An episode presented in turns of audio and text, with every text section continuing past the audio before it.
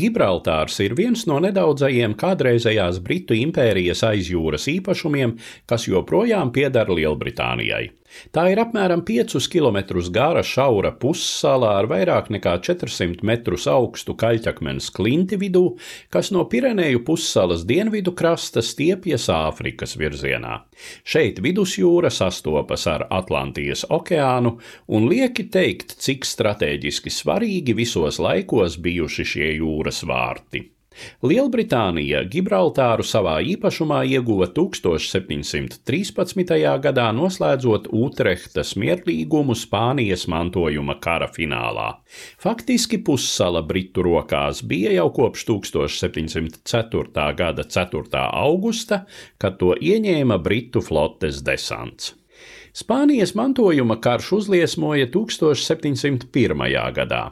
Iepriekšējā gadā bija miris Spānijas karalis Karlos II, neatstādams pēcnācējus, bet par troņmantnieku ieceldams savu attālu radinieku Anžū grāfu Filipu Burbonu, Francijas karaļa Luija 14. mazdēlu.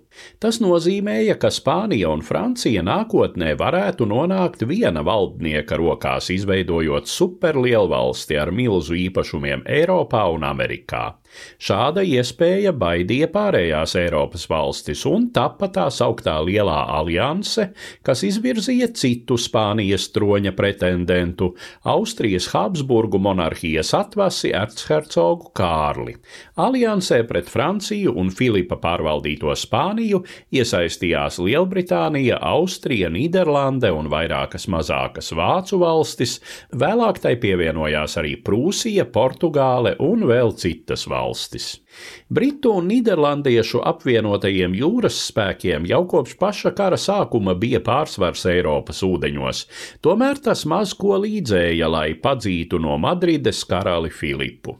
Vairākus gadus alianses flote manevrēja pie Spānijas krastiem, nesekmīgi mēģināja ieņemt Kadisas ostu, līdz Londona arvien uzstājīgāk lika manīt, ka sagaida izlēmīgu rīcību.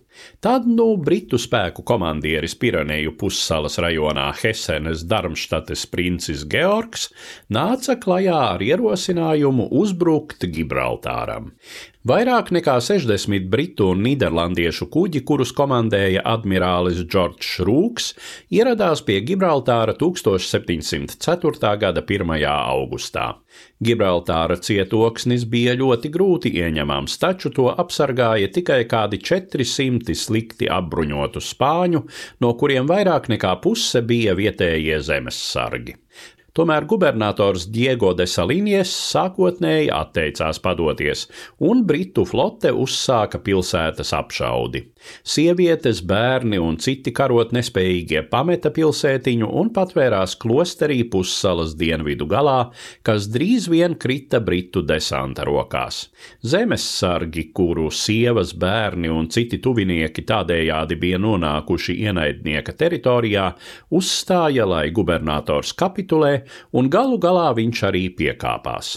Kapitulācijas noteikumi paredzēja, ka visiem gibraltāriešiem, kuri zvērēs uzticību koalīcijas kandidātam karalim Kārlim, būs garantēta dzīvības un mantas neaizskaramība.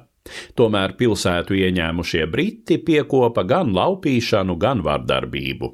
Tas izraisīja iedzīvotāju pretestību, un dažs labs marodieris saņēma dunci ribās. Rezultātā vairums pilsētiņas iemītnieku to pameta un devās uz Spāņu kontrolēto teritoriju. Šie notikumi pamatīgi iedragāja alianses un troņa pretendenta Kārļa Habsburga prestīžu Spānijā. Kopumā Spānijas mantojuma karš, kas prasīja daudz upuru un tēriņu, noslēdzās ar loģisku kompromisu.